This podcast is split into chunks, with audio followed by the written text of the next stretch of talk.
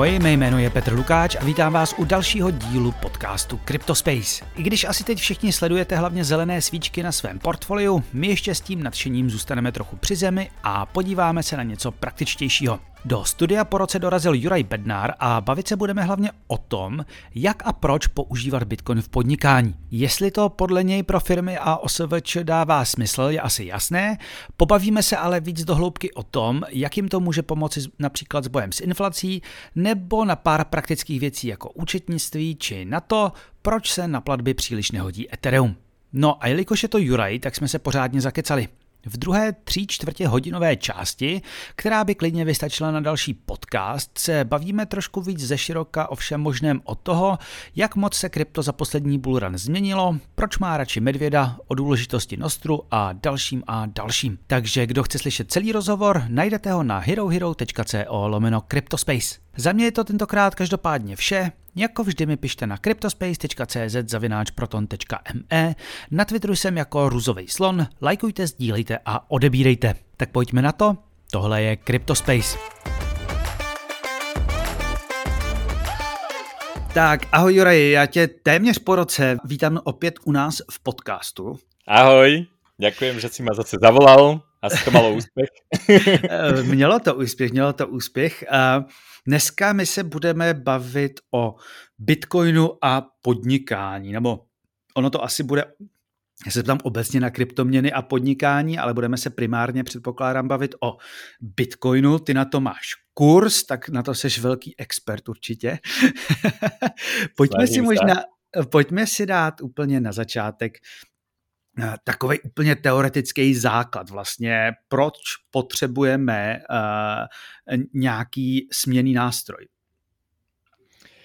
Tak eh, směnný nástroj potrebujeme preto, že máme hm, v prostredí vzácné zdroje, aby to nebola taká suchá ekonomická poučka, tak každý vie, že máme nejaké obmedzené množstvo budov, ciest ľudí a teda hlavne teda produktívnej kapacity ľudí a jedla a všetkého možného a potrebujeme vlastne spôsob, ako sa tie vzácne zdroje, ktoré chceme my používať, dostanú k nám a aby sa k nám dostalo práve toľko, aby ostalo aj všetkým ostatným. Takže to je, to je v podstate ako teória a je to krok ďalej od nejakého bartru, ktorý, eh, ktorý vlastne vyžaduje to, aby tá druhá strana eh, tej výmeny mala zrovna to, čo potrebujeme my a aby sme my mali to, čo potrebuje druhá strana. Takže tie peniaze sú vlastne taký nástroj, taký pre matematikov je to taký mapovací nástroj, ktorý, eh, ktorý vlastne mapuje, robí, robí vlastne takú, takú mapu tých zácných zdrojov, na, na tie peniaze, ktoré teda samotné netvoria to bohatstvo, ale vlastne nám umožňujú v, proporčne rozdeliť to čo, to, čo každý z nás mm. potrebuje k životu. Mm-hmm.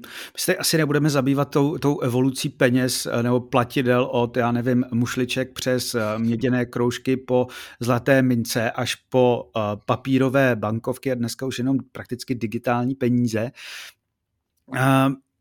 Kdy se vlastně nějakým způsobem ale proměnilo i platidlo, eh, ty, tyto platidla v uchovatel hodnoty? To bylo hned od začátku.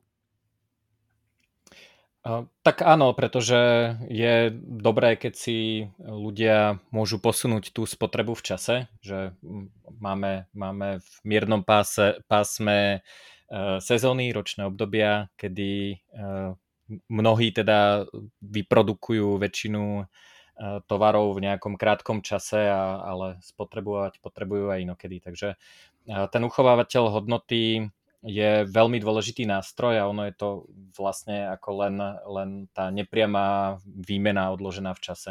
Fungují dneska fiat peníze jako dobrý směný nástroj? A pokud ne, kdy přestali? Eh, myslím si, že nefungujú ako, ako dobrý nástroj, pretože sú poškodené, sú vlastne tí spotrebitelia sú pomílení, pretože ak si teda predstavíme v nejakom konkrétnom čase všetky vzácné zdroje v spoločnosti a na nich sú namapované tie peniaze, ktoré teda ale sa mapujú vtedy, vtedy keď dochádza k tej výmene, a tak zrazu príde niekto z boku a vlastne leje tam nové peniaze, ktoré, ktoré neboli podporené nejakou ďalšou produkciou. Takže je to taký, Um, ja by som to normálne nazval, nazval podvod, pretože uh, páči sa mi definícia peňazí Juraja Karpiša, alebo teda jedna z definícií, ktorá hovorí, že aha, aha. peniaze sú pamäťou dobrých skutkov spoločnosti. Že ja niekomu pomôžem, za to dostanem ďakovnú kartičku vo forme teda tej bankovky alebo niečoho podobného.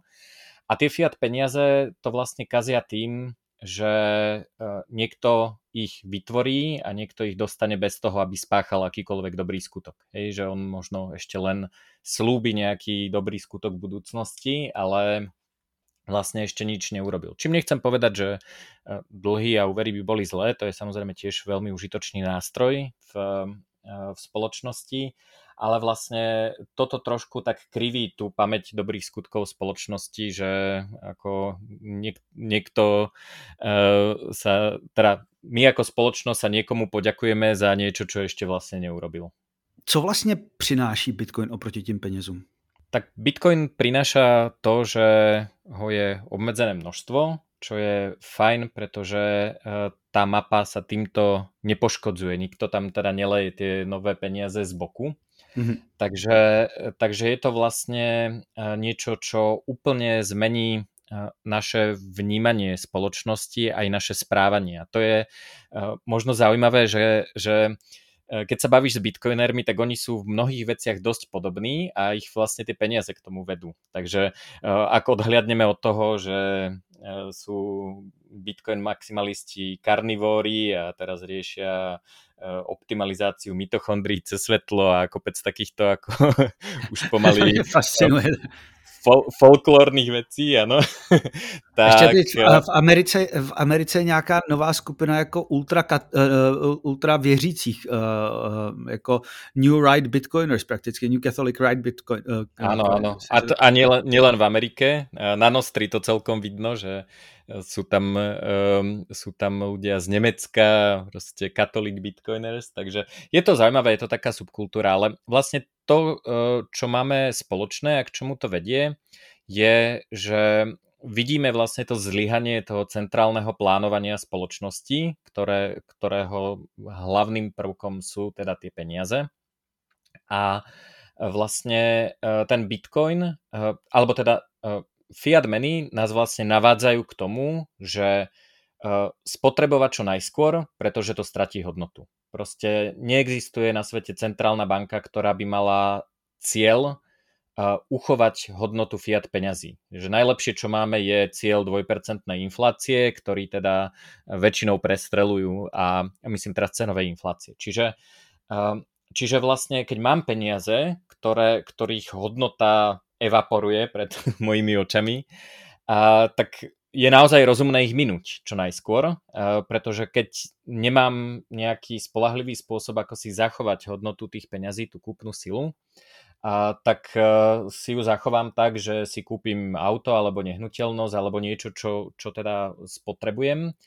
A toto vedie v spoločnosti vlastne k brutálnemu plitvaniu, že ľudia si proste kupujú domy na hypotéky, kupujú si auta, ktoré nepotrebujú, kupujú, kupujú ako veľké množstvo uh, vecí, uh, ktoré oni nie sú zbytočné, oni sa reálne zachraňujú tým, že, že sa boja, že teda prídu o ten, o ten majetok. No a ten bitcoinový pohľad je práve opačný, že ak máme peniaze, ktorých je obmedzené množstvo a vieme, že takýto skem nikto nebude môcť spraviť, tak ja keď verím, že do Bitcoinu príde oveľa viac ľudí, lebo ho má zatiaľ iba veľmi malá časť populácie a, a všetci sa budú deliť o tých 21 miliónov, tak ja naopak uh, odložím spotrebu, ja sporím a uh, je to, hej, no-coinery povedia, že som chamtivý, ale v skutočnosti, čo ja robím, uh, ja robím presný opak chamtivosti. Ja vlastne šetrím vzácne zdroje tej spoločnosti. Ja si nekúpim to auto, ale chcem, chcem teda akože sporiť a tým pádom to auto ostane pre niekoho iného. Čiže ja vlastne uh, som šetrný, som uh, konečnom dôsledku tým pádom ekologickejší, keďže nespotrebovávam a, a vlastne vedie ma to k takému dlhodobému rozmýšľaniu a k tomu, že čo teda naozaj potrebujem a tak ďalej. No a to, je, to je teda jeden aspekt, že že taká ta predlžená časová preferencia. Tady se furt bavíme ale o, o, o Bitcoinu jako Eh, nechci říct náhradě peněz, ale prostě o alternativě, že jo. Eh, co může ale přinést, co ale může přinést, eh, řekněme, v tom biznisu, když, protože hmm. biznis přece jenom, to, ten nemusí být jenom o spoření, ten nemusí být jenom o, samozřejmě každý se rád vyhne nějakým způsobem inflaci, ale co jiného přinese podnikatelovi? To, že operuje v hmm. Bitcoinu. Tak uh, začal by som predsa len tou infláciou, ale trošku inak, že uh, veľa z nás vlastne si neuvedomuje, čo v podnikaní tá inflácia reálne znamená. Uh, a sú tam také dva základné aspekty. Jeden aspekt je, že tá inflácia je pre každého iná. Hej? Že nestačí sa pozrieť na, nejakú, na nejaký štatistický úrad alebo nejakú takúto organizáciu, ktorá povie, že inflácia je vypočítaná na dve desatinné miesta 8,54 PA, pretože ja si nekupujem to, čo si kupuje štatistický úrad v tom spotrebnom koši. Jasne. Čiže ja som napríklad pozeral, keď som robil ten kurz, tak som pozeral napríklad e, case, že chcem podnikať, aby som si kúpil dom v Bratislave na Slavíne no a zistil som, že aj keď oficiálna inflácia bola 6%, tak, e, alebo myslím, že dokonca aj menej, tak inflácia cien nehnuteľností bola 20%. Hej, čiže, e, čiže pre toho podnikateľa Jasne. je otázka, že čo si reálně kupuje. No a druhý... Pokud si, uh, pokud si měl pekárnu a 80% tvých nákladů byl plyn a ten ti vyskočil z 15 eur za megawatt hodinu na kolik to bylo jedno kolem dvou stovek, že jo? Tak, tak ta inflace byla mnoho set procent prakticky pro tebe. Presne tak, presne tak.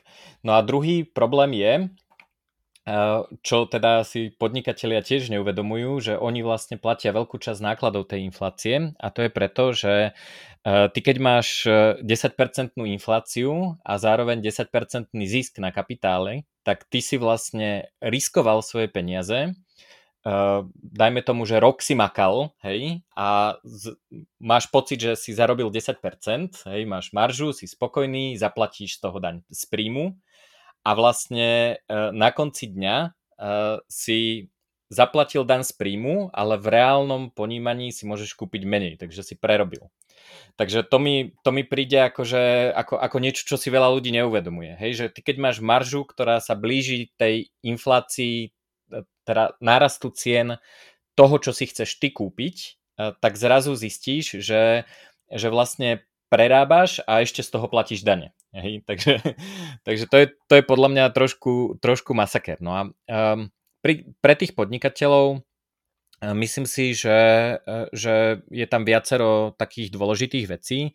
Možno teraz uh, aktuálne, nespomínam to v kurze, ale v Čechách som zachytil niekoľko prípadov v poslednej dobe, kedy napríklad bol, bola česká firma, ktorá mala datacentra a vlastne štát im zoštátnil tú nehnuteľnosť.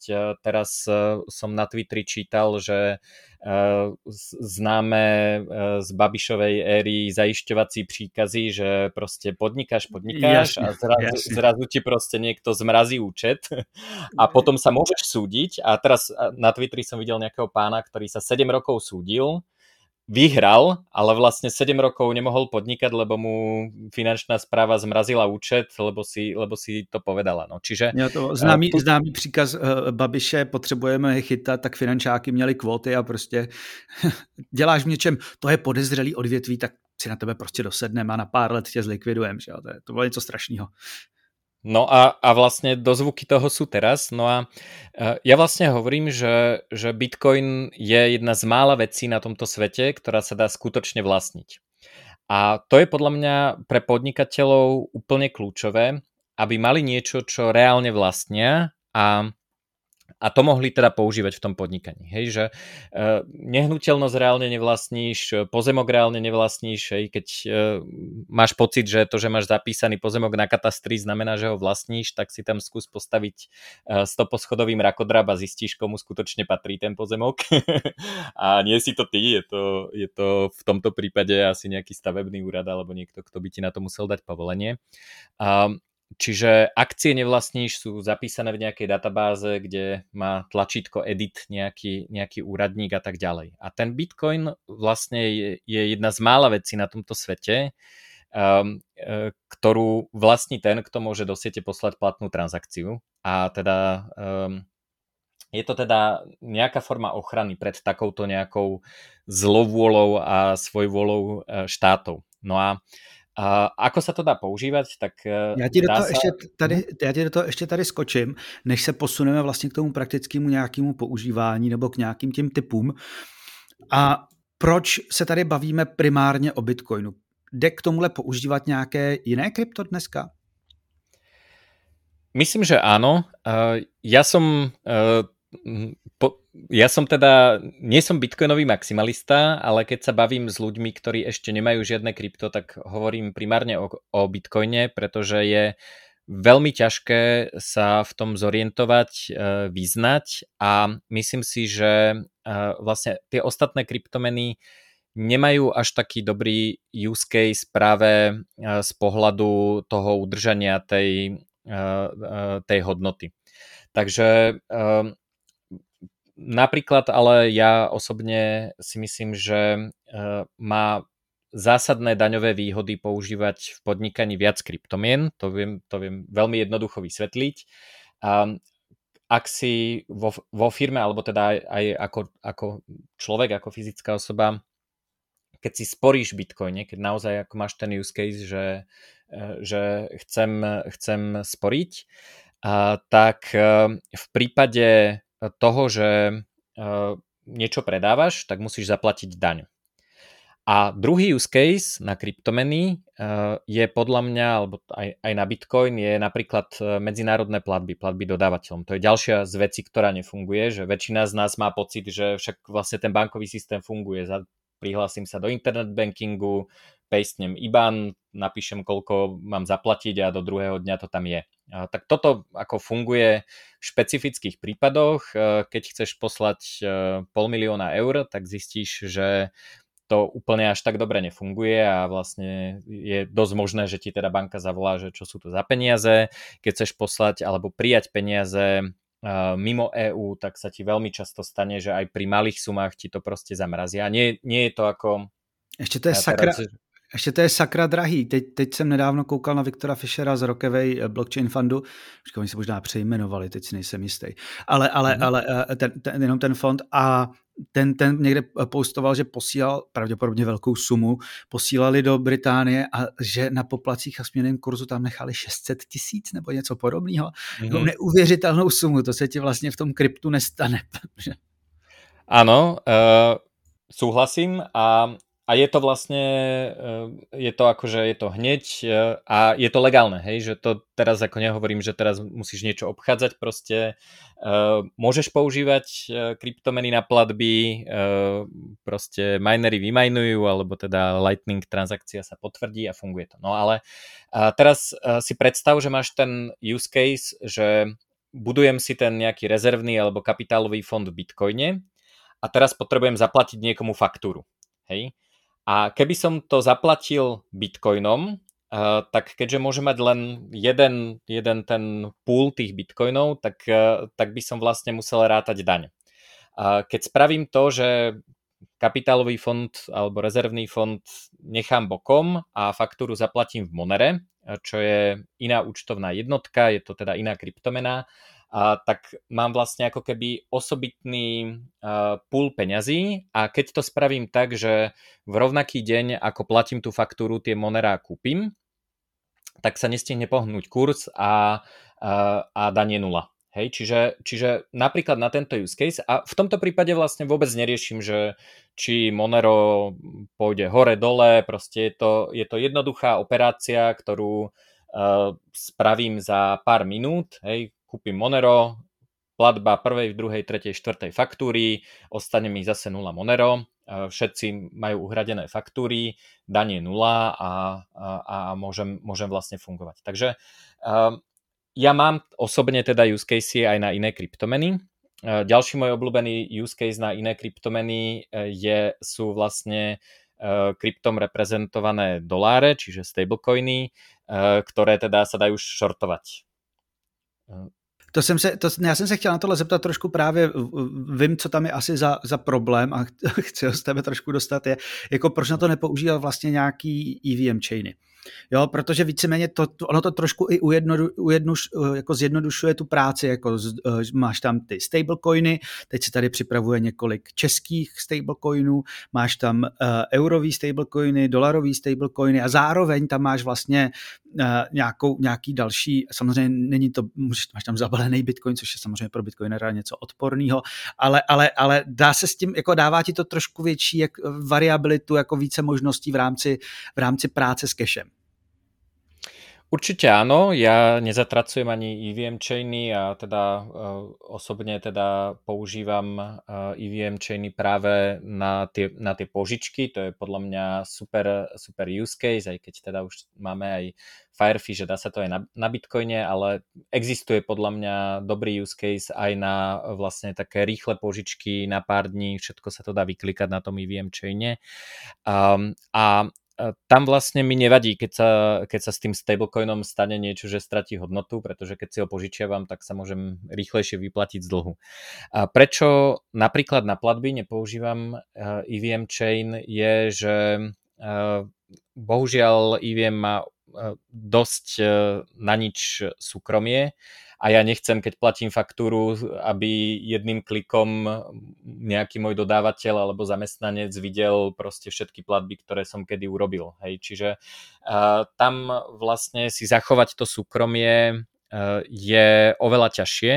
A znova, hej, že ja hovorím, že všetko treba zaučtovať, treba to mať všetko OK, ale to neznamená, že musím ako nejaký verejný blockchain a všetkých mojich obchodných partnerov krmiť nejakými mojimi privátnymi informáciami o tom, ako funguje môj biznis a ktorí kolegovia koľko zarábajú a koľko platím akým dodávateľom, to je proste pre mňa pre mě trošku problém. Takže, je to, je to takže... velký problém, ta anonymita, já jsem teď potřeboval dostat něco, mám takovou adresu, kam jako, kterou používám jakoby pro CryptoSpace a chtěl jsem se tam, potřeboval jsem se někde jako ofiko lognout a dostat tam vlastně dneska bez Tornado Cache nějakým způsobem uh, jak, jako uh, uh, anonymně peníze, uh, jako je strašlivě složitý, tak já jsem to nakonec teda udělal tak, že jsem chtě nechtě šel přes Binance, aby tam nebylo vidět. No, a bylo to, bylo to, byl, byl to prostě, byl to problém možná pro Možná pro posluchače, kteří eh, s tím nejsou úplně zžití, kdyby si v rychlosti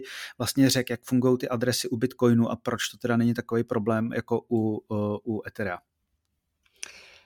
Tak v Ethereu máme jednu adresu per užívateľ. To je teda spôsob, akým sa to používa. Samozrejme, môžem si vygenerovať adres, koľko chcem, ale tam sa to už komplikuje tým, že eh, potrebujem mať vlastne peniaze na poplatky, čiže ne, nestačí mi mať na tej adrese len stablecoin, ale už tam musím dostať ten Ether, aby som, aby som vedel zaplatiť. A pri Bitcoine je ten model trošku iný, že, že nie sú tam účty, ale sú tam adresy, ktoré, ktoré sú ako keby mince, ktoré míňam.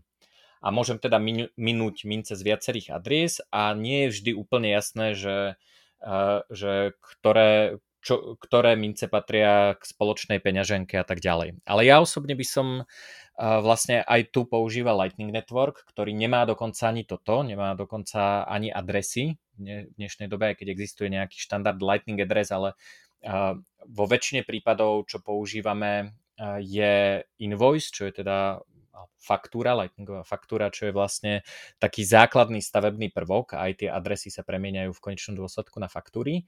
A tie nie sú viditeľné zvonku. A na tej faktúre, faktúra je vlastne len nejaký platobný predpis ako keby. A z tej faktúry vlastne nevidno, že koľko ten užívateľ má peňazí, aké robil iné platby a tak ďalej. Takže z tohto pohľadu ten Lightning je úplne super že môžem mať Lightning peňaženku, môžem, môžem zaplatiť kdekoľvek v nejakom obchode v Alze alebo kdekoľvek, kde berú Lightningové platby a vlastne ten príjemca nevie o mne nič. Vie, že som mu zaplatil Lightningom faktúru a, a to, je, to je všetko. Jasný, a, jasný. To, to Monero ešte, aby sme teda boli kompletní, tak Monero uh, má síce adresy, ale používa takú uh, dosť uh, pokročilú kryptografiu. Konkrétne sú to ring podpisy, stealth adresy a confidential transactions, ktoré vlastne zakrývajú sumy.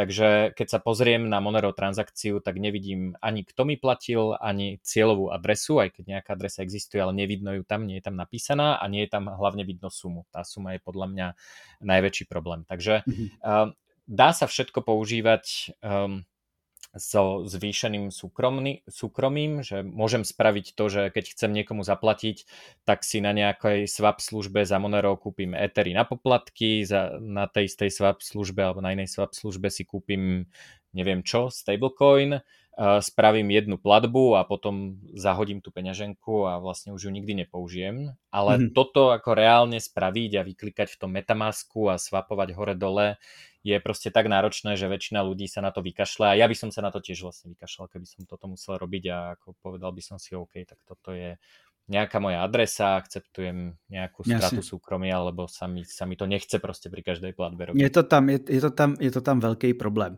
Když jsme tohleto vyřešili, pojďme se teda podívat na ty některé praktické věci. Co to teda všechno tomu podnikateli přináší? Uchování hodnoty, boj s inflací, to jsme si nějakým způsobem vysvětlili.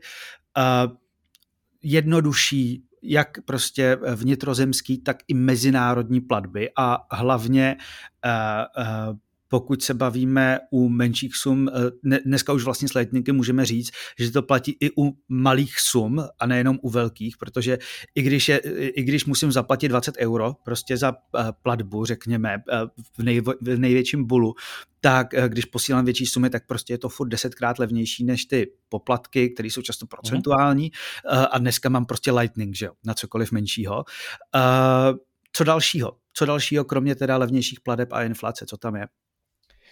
Tak je toho veľa. Pre mňa e, práve ten, ten rezervný fond v Bitcoine a nejaké, nejaké kapitálové fondy, e, nejaké, nejaké také podnikateľské sporenie na budúce kapitálové výdavky. A to je e, podľa mňa veľmi zaujímavý spôsob, ako ako e, sa vlastne vystaviť nejakému, nejakému takému šťastiu. A vysvetlím to, aby to nebolo EZO, lebo to nie je vôbec EZO. a, a, takže a, e, vlastne podnikateľ podľa mňa a, e, má strašne veľa downside rizik, akože veľa vecí sa môže pokaziť v živote firmy, máš, eh, ja neviem, dodávateľia nedodajú na čas, zvýšia ceny, odíde ti kľúčový zamestnanec, proste zákazníci neplatia, klesne dopyt, v zásade každá firma eh, je buď v stave, že nestíha vyrábať, alebo nestíha dodávať. Hej. Akože taký rovnovážny stav, že všetko funguje, je, je málo kedy. A vlastne, keď nič z tohto nenastane, ešte ťa teda ani, ani eh, nezničí štát nejakým zajišťovacím príkazom alebo nejakou eh, aktuálnou vychytávkou, byrokraciou alebo reguláciou. A ak sa všetko podarí, tak si zarobila, máš upside, hej, a ešte dúfaš, že ti ho teda nezo, nezožerie tá inflácia. A ten Bitcoin uh, vo mne uh, vyvoláva vlastne to, že keď si ako firma sporím Bitcoine nejaké prebytky na, na nejaké budúce investície alebo možno na nejaké, na nejaké uh, situácie uh, nečakané, tak je to vlastne druhá vec, ktorá sa môže podariť. Hej, čiže, eh, čiže málo kedy sa vlastne akože pokašľú dve veci naraz. Hej, že poviem príklad, mal som firmu, ktorá, ktorá mala počas covidu brutálny problém, hej, to, to bol práve ten downside risk, že uh, všetci zákazníci uh, poňali home office ako dovolenku a nikto si nič nekupoval v zásade. A my sme teraz stali pred rozhodnutím, že že čo teda, že či ako firmu zavrieme, alebo to nebudeme liať peniaze a tak ďalej. Ale potom sme si spomenuli, že nám nejaký zákazník vlastne zaplatil bitcoine a ten bitcoin vlastne e, tak vypumpoval, že sme nemuseli ani liať ďalšie peniaze, ani zavrieť firmu a tá firma dokázala vlastne normálne fungovať ďalej. Hej.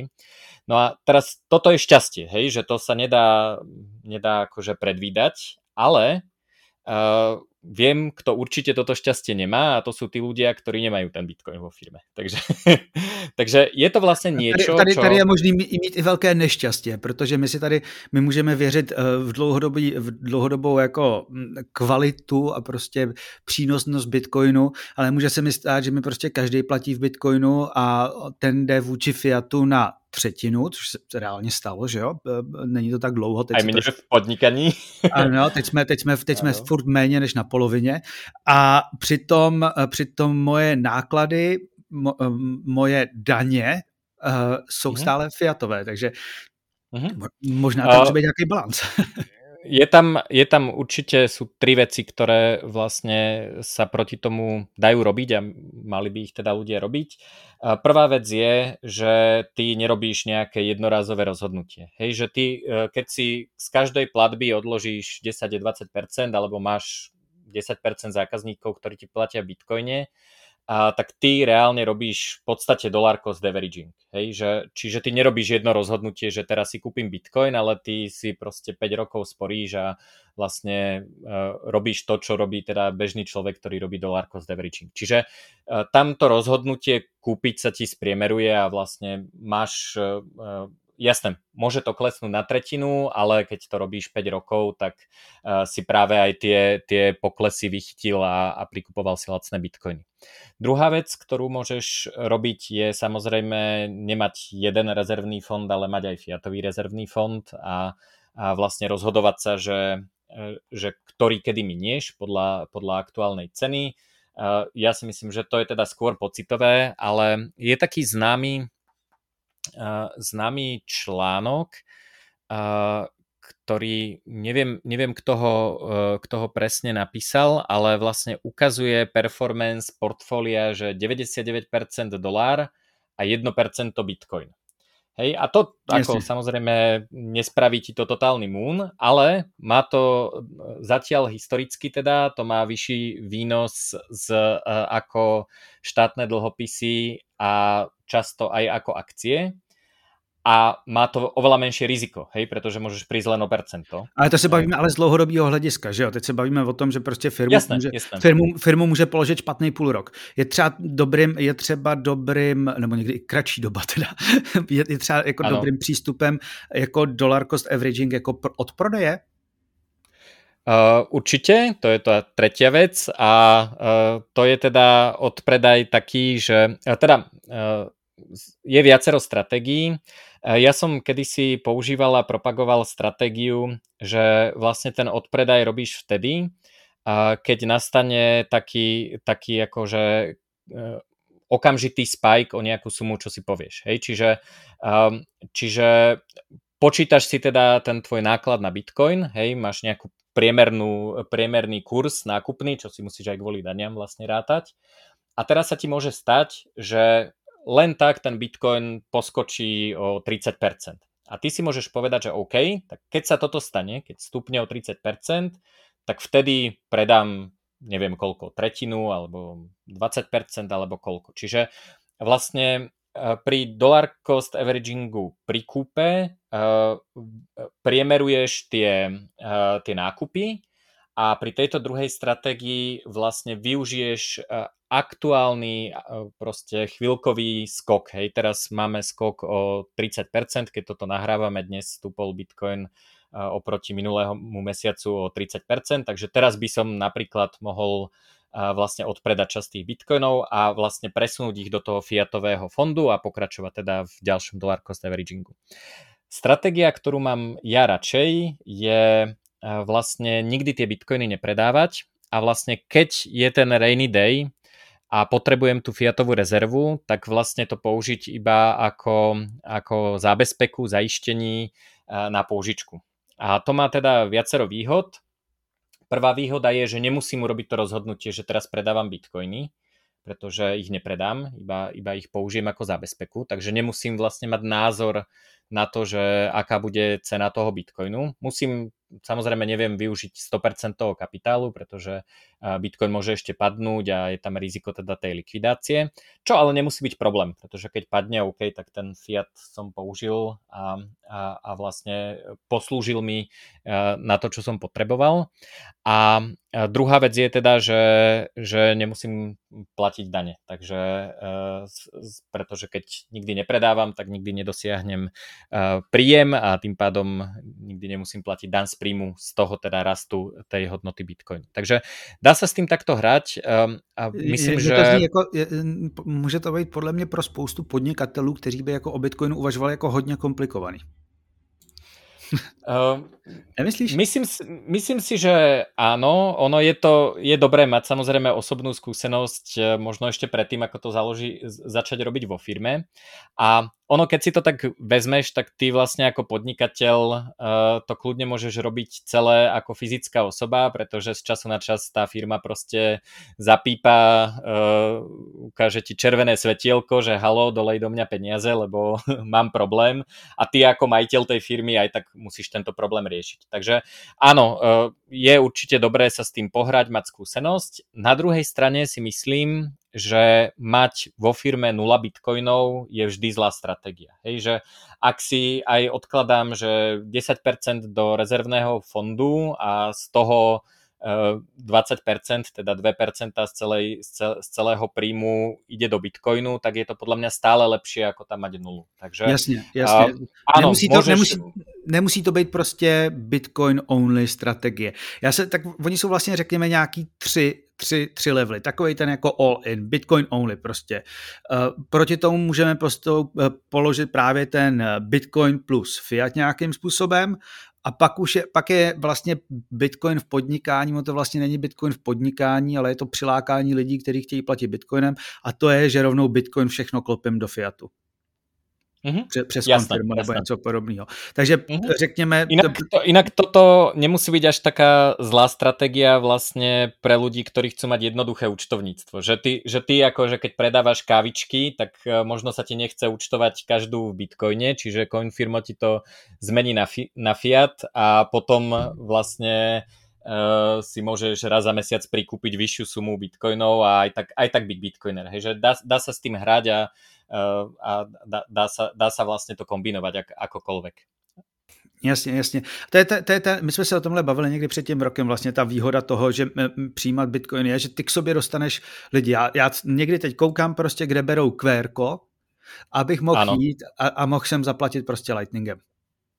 Áno, Zap... je to super. Tiež som to skúšal, je to úplne namakané, som veľmi to, rád, že to spravili tohle se vlastně jako dost změnilo za poslední, jako za, to jsou otázky spíš měsíců, že jo, do, 12 měsíců. To, že uh, já se přiznám, jako, že někdy teda to ne, nemůžu úplně najít, jako, ale jsou to desítky a desítky hospod a restaurací v Praze, který prostě to kvérko berou.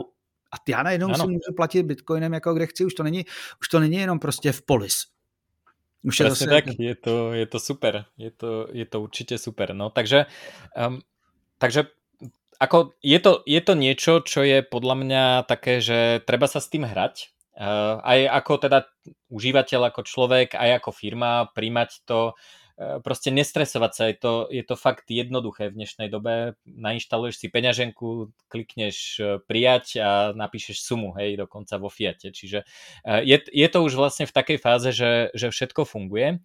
A mňa vlastne čo ma prekvapuje eh, pri tých interakciách s podnikateľmi, že mám pocit, že veľa podnikateľov je strašne konzervatívnych a, a vlastne podnikateľ by mal byť práve ten, ktorý experimentuje. Hej? Že pod, podnikateľ proste je človek, ktorý prináša nové inovácie, stále hľadá nové riešenia problémov a zrovna v tejto oblasti sú, sú vlastne nejakým spôsobom konzervatívni ale ja im na to hovorím, že pozor ale, že vy nie ste konzervatívni, pretože vy máte, ako ak máte rezervy, tak ich máte práve v tej fiat mene, o ktorej 100% viete, že stráca na hodnote. Hej? Čiže vy mm-hmm. ste sa dobrovoľne rozhodli, že e, svoj rezervný fond, to je to, čo chcete použiť, máte v niečom, o čom určite viete, že, že stráca hodnotu. A zároveň je to niečo, čo vám môže nejaký úradník ktorý proste sedí niekde na, na daňovom úrade alebo akomkoľvek inom úrade, ktorý má také právomoci a proste vám to vie takto zamraziť. Hej? Že to nie, že podľa mňa ako keď sa bavíme o finančnej rezerve firmy, tak mať ju vo Fiate je hardcore gambling. Hej? takže, takže oni si myslia, že sú konzervatívni, ale v skutočnosti vlastne, vlastne podľa mňa gamblujú. podľa mňa sú to gamblery. No. A, takže jasné, určite treba nájsť nejaký balans, pre niekoho je to 10% Bitcoin a 90% Fiat, pre niekoho je to opačne ale, ale myslím si, že, že vlastně nula bitcoinov je zlé číslo je chyba, pre každého. Jasně, jasně. Možná úplně tak jako praktický, ne, ne, nechci říct návod, to v rám, ani v rámci podcastu nemůžeme udělat, ne, to by bylo na, asi na hodně dlouho. Ale já si teď jako příklad prostě, ještě, protože to je spojený s tím, jak v Česku mám pocit, teď byla taková protikaretní vlna, že si všichni uvědomili, že se platí nějaký poplatky a, a vlastně e, spousta lidí to nepřijímá. My jsme takhle s jedním developerem šli e, po obědě e, na tržnici na kafe do nějakého stánku a tam jsme reálně museli zaplatit převodem. Měl tam QR a posílali jsme normálně převod jako z banky do banky, aby, aby se neplatili poplatky. Já jsem si právě v ten moment říkal, hele, kdyby měl týpek prostě uh, uh, Lightning, tak je to rychlejší a vlastně mi nemusí věřit, protože u mě se sice podíval, když jsem dal okamžitou platbu, ale říkal, že mu tam někdy prostě po víkendu, ještě když tam má cizince, tak čeká tak 24-48 hodin, než mu tam jako třeba tisíc euro dojde. je trošku nervózní, mm-hmm. že jo. Takovýhle člověk, uh, jak, co, co by měl vlastně udělat, kdyby, když, když si řekne, hele, možná bych mohl přijímat i Bitcoin. Co to zahrnuje za, za kroky? Úplne najjednoduchší krok uh, je podľa mňa obyčajná inštalácia Lightningovej peňaženky, Breeze alebo Phoenix odporúčam a proste kliknúť Receive. Čiže myslím si, že ak to nebude veľa platieb, tak nemusí sa nejakým zásadným spôsobom zamýšľať nad nejakými poplatkami, dokonca, dokonca možno to môže spraviť tak, že vlastne účtovne to spraví tak, že tomu človeku, že, že vlastne uh, uh, dá do pokladne fiat, hej, že vlastne ako, ako kúpi si bitcoiny za fiat a do, dá do pokladne fiat, hej, že, že ak ani nechcem ako otravovať účtovníka, tak akože je to taký rýchly vexl, hej, pri kávovom stánku, kde, kde proste si to príjmem do osobnej peňaženky a, a začnem, hej. A lebo veľa ľudí proste rovno prvú vec, e, ktorú rieši je, že a, ako to zaintegrujem do, neviem čo, do pokladne a ako to zaučtujem a potrebujem platobnú bránu a tak. Nie, to je proste, Bitcoin je úplne jednoduchá peer-to-peer, uh, je to jednoduchý peer-to-peer nástroj a proste nainštalovať si peňaženku a kliknúť receive dokáže každý. Hej, ja On si každý myslí, jak je to komplikovaný, že jo, ale vlastně ono to je dneska už tak strašně jednoduchý. Presne tak. Ja som teraz presne z tohto dôvodu robil taký návod zadarmo, môžeš dať na to linku, netreba sa ani registrovať, mám to online a je tam vlastne inštalácia Phoenix peňaženky, eh, vrátanie zálohy, prijatia a poslatia peňazí do 5 minút. Hej, že je to 5 minútové video, kde nič nezrýchlujem, proste okrem teda písania sídu uh, perom, to je trošku zrýchlené, aby to nemuseli teda ľudia pozerať, ale vlastne reálne za 5 minút dokážeš si nainštalovať peňaženku, správne ju odzalohovať a prijať a poslať platbu. Hej a nemusíš nič riešiť, nemusíš vedieť, čo sú lightningové kanály, proste je to úplne blbúvzdorné a každý, kto dokáže poslať akýkoľvek platobný príkaz cez internet banking, tak garantujem, že toto je jednoduchšie. Reálne. A teda předpokládám, když i podle toho, který jmenuješ peněženky, že u, u, když, když to bude na biznis, tak rozhodně nekustodiální. No, ja si myslím, že pri Lightningu už pominuli akékoľvek dôvody na custodial peňaženky takmer pre kohokoľvek. Ako jediný dôvod na custodial peňaženku momentálne, ak nemáš vlastnú nódu, je možnosť príjmať offline. Takže ak niekto používa Nostr a chce dostávať zapy aj keď spí, tak e, OK, mm-hmm. vtedy možno nejakú Albi peňaženku, ktorá z toho spraví pekné štatistiky. Ale vlastne na bežné platenie a príjmanie pladie už podľa mňa neexistuje dôvod na používanie custodial peňaženiek ani, ani pri v podstate akékoľvek sumy. Phoenix mi už nebude otvírat další, pořád další a další kanály při každý třetí platbě. Uh, bude, uh, a teda nie ďalšie ďalšie kanály, oni robia teraz splicing, takže oni vlastne zväčšujú ten kanál, ale je to, uh, čiže na, vo Phoenixe máš vždy jeden kanál, ale on-chainovými transakciami sa mu vlastne zväčšuje kapacita postupne, ale jo, jo. Uh, je, je to také, že, že vlastne veľa ľudí sa tohto zlakne a idú do tej custodial peňaženky, kde teda prichádzajú o to skutočné vlastníctvo tých kľúčov, ale vlastne reálne eh, je to akože z času na čas zaplatia 40 centový poplatok v eurách, neviem koľko je to v českých korunách, ale, ale vlastne akože eh, nie je to podľa mňa niečo, čo by väčšina ľudí mala, mala riešiť a zamýšľať sa nad tým. Takže myslím si, že, že sa to dá vlastne používať e, takýmto spôsobom. Breeze mimochodom má veľmi pekný režim e, point of sale, že že vieš tú peňaženku nastaviť tak, že sa zahesluje odosielanie, čiže, čiže ti to nikto, ne, keď niekto ukradne, neviem, máš kaviareň a ukradne ti mobil, tak vlastne sa nedá, nedajú tie peniaze odtiaľ poslať, čiže ak máš zálohu, aha, tak aha. sa stále vieš dostať k tým peniazom. A je to taký režim ako kartový terminál, že tam máš čisto iba sumu vo fiate, dáš neviem čo, 150 korún, klikneš, ukáže sa QR kód a, a potom sa tam ukáže, ukážu tie konfety, že je to zaplatené. Takže, a, takže tento, tento point of sale režim je veľmi pekný. Ako dajú sa tam samozrejme dať aj produkty, hej, že môžeš tam dať, že jeden flat white a neviem čo, espresso a vieš to vyklikať tak, ale tak u nás väčšina ľudí má registračnú pokladňu, kde to aj tak klikajú, takže vlastne sa stačí pozrieť na tú sumu, hej. Ale, ale nemusíš, vlastne to chcem povedať, že že nemusíš eh, na to, aby si predával kávu za bitcoiny, hľadať enterprise riešenie a neviem čo, platobnú bránu a mať s niekým zmluvu. Proste normálne ideš do Play Store alebo App Store, klikneš install a za 5 minút reálne môžeš príjmať prvú transakciu a, a akože mm-hmm. zvládne to naozaj, naozaj každý. Pokud jsem ale už, řekněme, trošku větší firma, která nepřijímá prostě desítky nebo stovky pladeb za, za makiáta a za a, a, klub mate a já nevím, a nějaký další hipster drinky, tak uh, přece jenom už uh, to musím řešit trošku jinak. Už asi nechci mít, už to nechci mít prostě na peněžence na mobilu, už potřebuji řešit nějakým způsobem uh, cold walletku nebo prostě nějakým způsobem třeba seedy. Nedávno jsme tady řešili vlastně jednu věc, která mě nenapadla, přiznám se, protože jsem to nikdy neřešil na této úrovni, že třeba když je velká společnost, Eh, tak nemůžou mít prostě někde v trezoru napsaný sít, protože kdokoliv může přijít, ukrást to a nikdo nezjistí, kdo to byl. Že jo? Takže prostě tady se musí už řešit nějakým způsobem kustodiánství. Ono se to přece jenom pak asi trošku komplikuje u větších, u větších hráčů.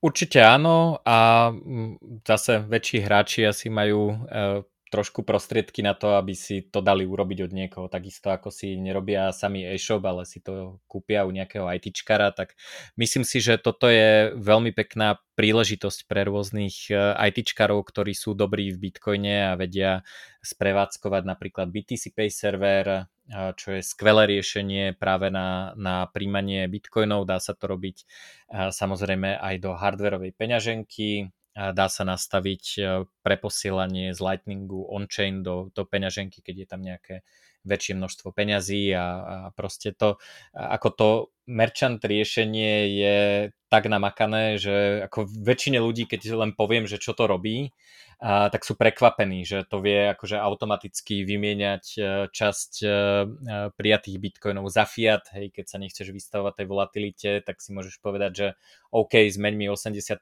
na stablecoin a 20% si nechám do toho rezervného fondu. Toto sa tam všetko dá vlastne nakonfigurovať a vyklikať a myslím si, že toto je veľmi zaujímavé odvetvie, ktoré ešte bude ešte bude prosperovať že, že vlastne my ako ITčkári máme, máme vlastne novú možnosť poskytovať ľuďom zaujímavé služby, ktoré, ktoré by možno sami nevedeli robiť. A je to teda na úrovni nejakej, nejakej správy systémov, hej, tak ako máš admina databázy, admina webu, ako máš proste niekoho, kto ti rieši zálohovanie vo veľkej firme a takéto veci, tak je to správa vlastne bitcoinových peňaženiek a, a samozrejme vlastne to nastavenie takým spôsobom, aby presne nebolo to, že je to nejaký jeden admin, ktorý zrazu má niekde v šuflíku privátne kľúče alebo. CD, ale ako je to, je to spravené nejakým, nejakým pomerne rozumným spôsobom. Takže... Tady někdy to, to ukazuje, jak ty, jak ty výhody toho krypta můžou být někdy i nevýhody. ale ale uh, já, se, já bych se posunul ještě k jedné věci, kterou jsme tady dvakrát, třikrát teď nakousli, ale vlastně uh, ještě bych ji vzal možná kompletně, protože to je podle mě něco, co možná hraje vedle té volatility, tak je to vlastně bod číslo dva, který ty uh, lidi tak a priori trošku od toho využívání Bitcoinu nebo přijímání plateb v Bitcoinu odrazuje. A to je taková obava z účetnictví. Uh, jak složitý je zakomponovat vlastně příjmy a platby z Bitcoinu do tvýho účetnictví jako podnikatele? Tak na toto hovorím, že toto nemá podnikateľ riešiť. Neznamená to, že to nemá účtovať, ale, ale znamená, to, znamená to to, že, že tak ako si kupujem služby účtovníctva na účtovanie normálnych faktúr, a, tak toto je vec účtovníka. Hej, že mňa ako podnikateľa toto vôbec nemá zaujímať, ja si proste nakupujem niekde účtovné služby a to je akože vec, ktorú má vyriešiť profesionál. Um, ale pozeral som sa na to, ako to robí. Ja som si nikdy nerobil sám daňové priznanie, hej, venujem sa iným veciam a mám na to, mám na to profesionálov účtovníkov. Um, tí účtovníci sa toho trochu boja, ale keď zistia, že, je to, že to nie je o nič zložitejšie ako účtovať doláre alebo čokoľvek iné, je to momentálne už jasné, e, je, sú na to zákony, sú na to, sú na to e, nejaké účtovné postupy, výhlášky Čiže ako nie je tam nič nejasné, nie je tam niečo, že teraz by účtovník niečo musel vymýšľať. Proste pozrie sa tak, ako sa pozerá, ako sa účtuje a odpisuje auto. Keď, keď si kupuješ auto a aké sú tam pravidlá, tak presne tak sa pozrie na to, ako sa účtujú kryptomeny. A je to v zásade e, o tom, že že keď prikupuješ alebo keď získavaš bitcoiny alebo akúkoľvek inú kryptomenu, ale teda dajme tomu, že bitcoiny, tak sa ti vlastne upravuje vážená nákupná cena. Hej, čiže pri každom získaní bitcoinu do firmy sa ti nejakým spôsobom posunie jedna, jeden kurz bitcoinu, ktorý si tá firma ukladá pre každú kryptomenu, čiže pre Bitcoin, keď ho kúpiš, e, keď ho príjmeš pri vyššom kurze, tak ti trošku stupne tá nákupná cena a tak ďalej. A pri pre, predaji e, vlastne neupravuješ kurz, ale vlastne len, len vypočítaš rozdiel medzi kurzom, pri ktorom si tie bitcoiny predal, alebo teda vymenil za niečo iné a tým váženým priemerom, ktorý si si spočítal a z toho sa teda e, zaplatí príjem. Takže to je celé, hej, že, že proste robíš jednu operáciu na vstupe a jednu operáciu na výstupe a, a, a to je celé. Čiže Tak to byla první část rozhovoru s Jurajem Bednárem. Pokud vás zajímá jeho názor na vývoj celého sektoru, regulaci nebo proč se mu líbí třeba DAOS a co si myslí o skemech, tak si dejte celý rozhovor na herohero.co lomeno Cryptospace. Za mě je to pro tentokrát každopádně vše. Na příští týden toho mám nabráno víc, tak uvidíme, jestli uděláme tržní díl nebo dáme něco ze zásoby. Každopádně doufám, že se vám i tento díl líbil a budu se těšit zase příště. Naschledanou.